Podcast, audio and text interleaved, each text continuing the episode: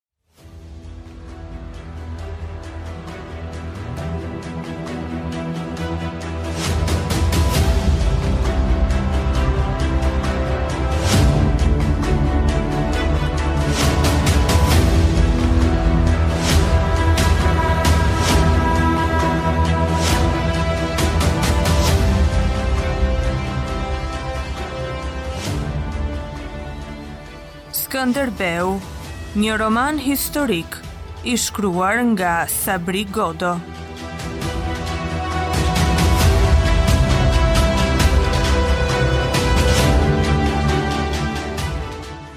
Kapitulli 12. Më 26 janar të vitit 1445, martohej Mamica Kastrioti me Muzak Topinë. Dasma bëhej në Kalanë e Petrelës, në prani të të gjithë princave dhe kapitenëve të Arbërisë. Ishte mot i mirë dhe në Kala e në sheshin poshtë saj, u ndezën zjarret për të pjekur mishrat për 2000 dasmorë që vinin në grupe. Katër javë më parë, në çdo derë princi e kapiteni kishte trokitur një anëtar i familjes Topia për ftesën. Dasmorët kishin patur kohë të zgjidhnin deshtë, demat dhe kuajt që do t'i çonin për dhuratë. Ndonjë nga trimat që dorëzonte dhuratat shkrehte në oborr një dyfek. Era e athët e barutit, me të cilën njerëzit nuk ishin mësuar ende dhe që do t'i mbetej pas këtaj në të gjitha dasmat, u përhap dhe zuri vend në oborr. Dyfekun e shtiu edhe një fëmijë motak, biri i kapitenit Gjetë Shoshi, i vrarë në Torvioll.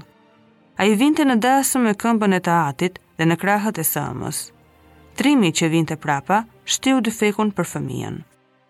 Shërbëtorët habiteshin me bukurinë dhe madhështinë e gjësë së gjallë që po vinte. I preknin me dorë, bënin fjalë për racën e tyre dhe bridhnin plot shqetësim.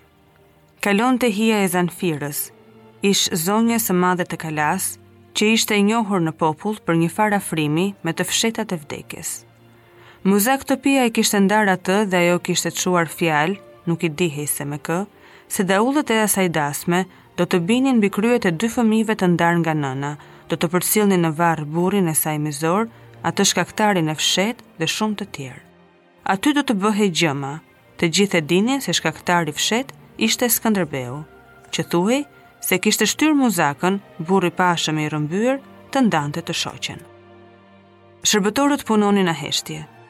Toka dukej e ngjeshur me lëndë djegëse dhe zjarret sikur përbënin një rrezik për të gjithë. Druajtja filloi t'u ngjitej edhe dasmorëve. Por arriti nusja, e mbajtur nga krahët prej Vranakontit dhe Tanush Topisë, dhe krisën të katër bombardat e kalasë. Gjëmuan daullet dhe u ngroh moti. Pastaj arriti Skënderbeu. U ngrit e shkoi oguri i keq. Nisi dasma që do të zgjaste shtatë ditë. e secili vriste mendjen se si do të përfitonte prej saj sa më mirë. Arbëria ishte fitimtare dhe e lirë. Sultani ishte bërë murg dhe asnjë burrë nuk mund të brengoste shpirtin për fjalët e një gruaje, në dasmën më të madhe që nga martesa e Teodor Koron Muzakës së Beratit. Pasdite u përshpërit se Lekë Dukagjini kishte kthyer krahët kur Lekë Zaharia i Danjës deshi ta përshëndeste. Dasmorët mbajtën vesh, Ç'të ishte kjo sjellje pa emër e Dukagjinit? Ngjarja tjetër që u përsërit ishte arritja në perëndim e diellit e Jerinë Dushmanit me të atin Gjergjin, që sundonte Shalën e Shoshin.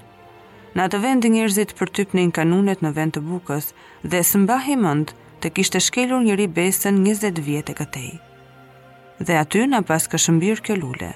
Kur ajo u hodh nga kali si një ketër dhe drejtoi trupin e gjatë që të kalonte përmes oborrit, pleqtë tundën kokat e bardha dhe të rinjve iu me fryma. Dikush tha se dorën e Jerinës e kishin kërkuar si Dukagjini dhe Zaharia. Ardhja e saj rivendosi shenjat e rrezikut aty ku ishin më parë. Në darkë, zjarret skuqnin dheun. Trima dhe shërbëtorët po ngrinin çadrat. Gjithçka po bëhej gati për të kaluar nga muzgu në errësirë, ku njerëzit dëfrehen, flasin dhe përqeshin, ashtu si nuk mund të bënin dot në dritën e diellit. Dasma u ngjit në katin e dytë të kështjellës. Lart, në sallën e madhe të ndriçuar nga pishtarët, i zoti i shtëpisë ngriti një dolli dhe mbi kokat e tij krisën topat. Ngriti dolli edhe Skënderbeu, i lidhur tashmë me krushqi nëpërmjet 5 motrave, me shumë nga prijësit dasmorë dhe topat krisën prapë. Ai ishte, e mbetej komandanti i përgjithshëm fitimtar edhe në kohë paqeje. Jerina e Dushmanit shikonte princat, zonjat, bijtë dhe bijat e tyre. Sytë i kishin marrë një kaltërsi të thellë. Ha, Jerinë, i tha i ati. Ai i dha diçka për të ngrënë dhe ajo e futi në gojë pa menduar. Menjëherë ndjeu t'i kalonte nga goja në gjak një farë lëngu, sikur brenda saj të kishin futur tinguj. Ishte një ëmbëlsirë ndryshe nga ëmbëlsirat e mjaltit e të pekmezit. Shumëkush provonte atë natë për herë të parë ëmbëlsirën e sheqerit që vinte nga Azia dhe që përdorej si mjet kurimi. Ajo tundi kokën dhe i shndritën vathët trepalësh me zinxhir të hollë. Vetullat që i nisnin nga një pike e pacaktuar e ballit, u ngritën si hark dhe u shkrehën. Ajo qeshi me zë. I ati shikonte sikur ajo po rritej para syve dhe donte t'i merrte erë. Dasma ndjell dasmën, kishte thënë i ati kur po vinin në Petrelë. Në qafën e gjatë të grave të bukura, me hundën pak të kërcyer, Me ngjyrat e saj të verdha, ajo po tërhiqte vërejtjen e të gjithëve. Disa e shikonin kalimthi, pastaj kthenin kokën prapë. Asnjëri nuk e di sa e bukur është ajo, kishte thënë i ati dy vjet më parë. Nëna kishte rënë në gjunjë të falej për burrin e panjohur që do të shihte bukurinë e vajzës së saj. Ajo ngriti më në fund sytë nga tryeza, drejt kreut, në kohën kur Skënderbeu kalonte shikimin mbi fytyrat e të gjithëve. Vështrimi u ndal tek ajo. Vuri re me habi të kuqtë e saj, ngjyrë trëndafili, qeshi pa dashur, duke i kërkuar sytë dhe ndoshta tha diçka. Pastaj Jerinës iu duk sikur ai u zmadhua sa gjysma e sallës dhe u mjegullua, ndërsa bota po digjej nga pishtarët. Skënderbeu u ngrit në këmbë t'i përgjigjej një urimi dhe Jerina u tmerrua. Ai mund të ecte përpara dhe të kalonte me të kupën e argjendtë, po ai u ul dhe u kthye nga Vrana Konti. Jerina vështroi tryezat, mjekra në mes të mishit dhe të verës, duar lakmitare që nduknin haptazi ose fshehur, qeshje e thirrje. Një martesë e lartë si ajo duhej të sillte ngopjen e të gjithëve, derdhjen e shpirtrave, flakjen e mërive. Zonja Mamicë, me trupin e paktë, me ethet në supe, ishte anuar të dëgjonte Skënderbeun. Jerina u nde e tëra që të kapte qoftë edhe një fjalë e një tingull, Por zhurma ishte e rëndë si një katarakt dhe ajo ndjeu veten të shtypur. Lek Zaharia i Danjës, që rrinte përballë, i fliste babës së Jerinës me fytyrën e tij të hapët, po mendjen e kishte tek Jerina. Ai ishte një kalorës i vërtetë, zot i tri kështjellave. Zëri i tij tregonte bindjen dhe mallëngjim. Ai nuk merrej me dasmën si të tjerët, dukej i vetmuar dhe i përqendruar, sikur po bëhej gati Të hidhej tej një muri të lartë e të shikonte Jerinën si një krijesë të zbritur kush e di nga, që do të qëndronte vetëm për një çast dhe që do të zhdukej përsëri në çastin tjetër. Ai po thoshte diçka për gjuetinë. Në tryezën tjetër, tek muri, ishte Moisi Golemi, çliruesi i Sfetigradit, i zbehur dhe i heshtur.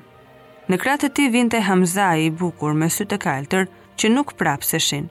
Pastaj djemtë e Aranitit, dhe në krye, pranë Muzak Topisë, rrinte si një shpend rrëmbyes Leka tjetër, Dukagjini. Ishin të gjithë të pamartuar, këta kalorës të mëdhenj. Leka ishte kthyer nga djali i parë i Aranitit, Kostandini. Rrinte mbi të me krahë hapur dhe i derdhte të qeshurën e tij të fortë drejt në fytyrë. Kostandini u zbraps dhe qeshi edhe ai si budalla, për t'u treguar po aq i madh. Leka pushoi papritur dhe vështroi Jerinën. Gruaja e Lekës do të ishte pre e tij dhe duhej të ishte pa shoqe, e bukur dhe e pasur. Edhe të dy djemtë e Aranitit ishin kthyer nga Jerina me shikimet e tyre pa turp, sikur kërkonin më parë çmimin për çdo gjë që u zinte syri. Jerina kapi pa dashur krahun e të atit. Plaku ktheu fytyrën e tij të skuqur, ngriti me një lëvizje të buzëve mustaqet lart dhe i fryu asaj në hund. Të gjithë hanin, pinin e flisnin pa ndrojtje. dhe gëzimi e hareja po arrinin në një pikë që mezi e mbanin muret e sallës. Ishte i pari gëzim i madh që u ngrit mbi gjakderdhjet dhe tmerret e 50 vjetëve të shkuara. Gjergj Kastrioti e kishte sjellë këtë dasëm në kohën e duhur. Natën e dytë të dasmës, Mamica me katër motrat dhe zonjat e tjera të Arbërisë ishin tërhequr në sallën e tyre. Burrat poshtë vazhdonin gostinë me këngë, valle e dolli, Kishin harruar kohën dhe disa prej tyre dergjeshin në ndonjë qoshe një copë herë për t'i qëndruar përsëri tryezës. Ndonjë djalosh ishte tërhequr në krahët e shërbëtorëve jashtë. Skënderbeu tha se të nesërmen do të shkonte për gjuetinë e derrit në pyllin e Baldushkut. Ai ftoi edhe Vranakontin. Këtij i dukej sikur një e keqe po yshtej në avujt e verës dhe u mbështoll në gunë. Atë ditë Lek Dukagjini kishte kërkuar me lajmës dorën e Jerinës. Plaku i kishte dhënë një gjysëm fjale që më parë Lek Zaharisë. Vranakonti i tha Skënderbeut se ua kishte frikën Dukagjinit dhe nipit, Zaharisë, dhe do të rrinte atje. Nëse Skënderbeu e kishte ndarë mendjen për gjueti, le të merrte shokë të tjerë. Skënderbeu u kthye i tëri dhe pa nga afër fytyrën e Vranakontit. Ky kishte pirë shumë, por prapë ishte më esëll se të tjerët. Skënderbeu kërkoi me sy të dy Lekët, ata po pinin të qetë. Lek Dukagjini e shihte veten të shtrënguar përtej Drinit pas shitjes së Lezhës që kishin bërë të parët e tij. Me trashëgiminë e Jerinës, bijë e vetme e Dushmanit, Leka kthehej në veri në kufijtë e vjetër të Duk Gjinit. Por ndërmjet tij dhe Jerinës kishte hyrë tani Lek Zaharia i Danjës. Pse të mos e marrim me vete këtë Jerinën, tha nëpër dhëmbë Vranakonti. Çfarë? pyeti Skënderbeu. Them se kur grinden dy, paqja vendoset duke fituar i treti, tha Vranakonti. Ishte hera e dytë që ai e sillte fjalën për martesë Skënderbeut. Herën e parë i kishte folur për bijën e Aranitit. Skënderbeu ktheu sytë në qoshen e ndaluar të shpirtit dhe prej andej u ngrit një thirrje e mekur që kërkonte vend në qenien e tij, ashtu si i ngjante nganjëherë në gjumë. Ai mbante me të dyja duart kupën e verës, e ngriti, dhe pa atë vajzën e çuditshme të Gjergj Dushmanit, me sytë, me vathët dhe me qeshjen e saj plot ajër dhe dritë. Do të martohem kur të mos ketë as luftë, as gjueti, tha Skënderbeu, duke parë në fund të kupës. Atëherë paskemi kohë. tha Vrana Konti. Skënderbeu u kthye në krahun tjetër, ku rrinte Tanush Topia, si më i madhi i shtëpisë, dhe e pyeti nëse dinte gjë për ndonjë dasmë të re të afërt. Tanushi dinte. Ai tha se në mes të Dukagjinit dhe të Zaharisë qëndronte e bija e Dushmanit. S'qenka kogju e tije, tha Skënderbeu. Jo, tha Tanushi. Kjo dasmë nuk do të turbullohet. Të dy Lekët më dhanë fjalën se nuk do të zënë me gojë këtu punën e krushqisë. Kam shpresë se gjuetia do ta nderojë dasmën. Gjuetinë e madhe do ta kryesonte Tanushi. Me Skënderbeun u nisën në agim nipat e tij dhe disa nga princat, njëqind e ca kalorës të këputur nga dasma, që qëndronin keq në kuaj. Skënderbeu s'kishte bërë as dy orë rrugë kur një shërbëtor i Lekë Dukagjinit në kështjellë rrahu një shërbëtor të Lekë Zaharisë. Rrahja tërhoqi shërbëtorë të tjerë dhe kaloi në gjakosje. U mblodhën edhe disa dasmorë që të zbaviteshin pak me këtë rrahje të shërbëtorëve dhe të stallierëve. Hunjtë filluan të bënin kërdinë aty dhe një shërbëtor i Zaharis e nxorrën jashtë të vdekur. U thirr aty edhe vetë Zaharia dhe ai kërkoi të hetohej puna nga pleqtë dhe të shpërblehej gjaku i njeriut të tij. Grindja u mbyll aty për aty, po Dukagjini tha se nuk do të paguante asgjë dhe se ata të dilnin përpara tij gjithnjë quheshin të rrahur. Zaharia i poshtëruar mblodhi trimat prapa stallës së kuajve. Prej andej fluturoi një shigjetë dhe rrëzoi një trim të Dukagjinit në mes të oborrit, Pastaj Zaharia doli përpara dhe pushtoi oborrin e kështjellës. Dasmorët filluan të tërhiqeshin e të bënin sikur merreshin me punët e tyre. Vrana Konti shpejtoi në oborr kokëjashtë. Zaharia i tha se e quante gjakun të larë dhe se po të donte ai tjetri, emri i të cilit i mbeti Zaharisë në grykë, le të mos prishte dasmën e motrës së Kastriotit. Vrana Konti po përpiqej të tërhiqte nipin nga oborri, dhe urdhëroi të ngrihej i vrari, kur u dha në krahun tjetër Dukagjini, i armatosur, me pesëdhjetë a më shumë trima. Ai doli përpara i egërsuar e gati të linte kokën, tundi krahët, u ngul në vend dhe tha: Le të dalë këtu ai që gjuan prapa mureve. Hiqu, daj, këtu fjalët s'kanë dobi, tha Zaharia duke mënjanuar Vrana Kontin. Vranakonti i inatosur shkoi në mesin e oborrit dhe thirri që ta dëgjonin të gjithë. Mosni u vraftë zoti. Qysh kthehet në luftë dasma e Kastriotit. Prapsuni u them. Zëri i tij nuk ishte bindës dhe ai vështroi rrotull për ndihmë, por askush nuk lëvizi. Mbi kështjellë silleshin sorra të shpërndara. I vetëm, i pafuqishëm si një dordolec, Vranakonti u ankua me mendje për Skënderbeun. Bashkë me të, ishte rikthyer koha e armëve. Ai do të kishte bërë më mirë t'i çonte njerëzit në luftë e jo t'i mblidhte në dasëm. Dhe tani ai shkonte në gjueti i gëzuar për këtë krushqi të madhe, ndërsa dasma do të mbulohej me gjak dhe eshtra të thyera. Përmes sheshit shpejtoi këshilltari i Skënderbeut, Vladan Gjurica. Ai ngadalsoi hapin dhe lidhi duart prapa. Vranakonti u kap pas tij. Vladan, folu këtyre demave të tërbuar, thirri Vranakonti. Vladani foli nën zë me Vranakontin si këshilltar. Hiquni nga mesi, thirri Dukagjini. Rreth sheshit në kullat dhe në dritaret e kështjellës mblidheshin gjithnjë e më shumë dasmorë. Tani asnjëri nuk i ruhej sherrit, të gjithë besonin se ishte e drejta e të dy Lekëve të vriteshin. Të gjithë donin të shihnin sikur kjo të ishte domethënia e vërtetë e dasmës. Dhe pasi zinin vendin, asnjëri nuk lëviste, përveç ndonjë të dehuri që shtypej dhe vihej në heshtje nga të tjerët. Ti, Lekë, mos harro porosinë e babës, të jesh për jetë mik i Skënderbeut, i thirri Vladani Lekë Dukagjinit. Ti Lekë ke pirë gjak me Skënderbeun ditën e Torviollit, i thirri Lekë Zaharisë. Zaharia bëri një hap prapa. U soll rreth vetes, ngriti shtizën dhe e nguli me majë në tokë në këmbët e tij. Pranonte paqen. Dukagjini qeshi. Tërbimi i tij ndaj Zaharisë ishte Jerina e bukur me trashëgiminë e saj, po edhe mllefi për lavdinë që fitoi Zaharia në Torvioll. Qeshja e madhe e Dukagjinit u përhap rreth mureve dhe ra mbi pullazët, duke shkelur nderin e të gjithëve.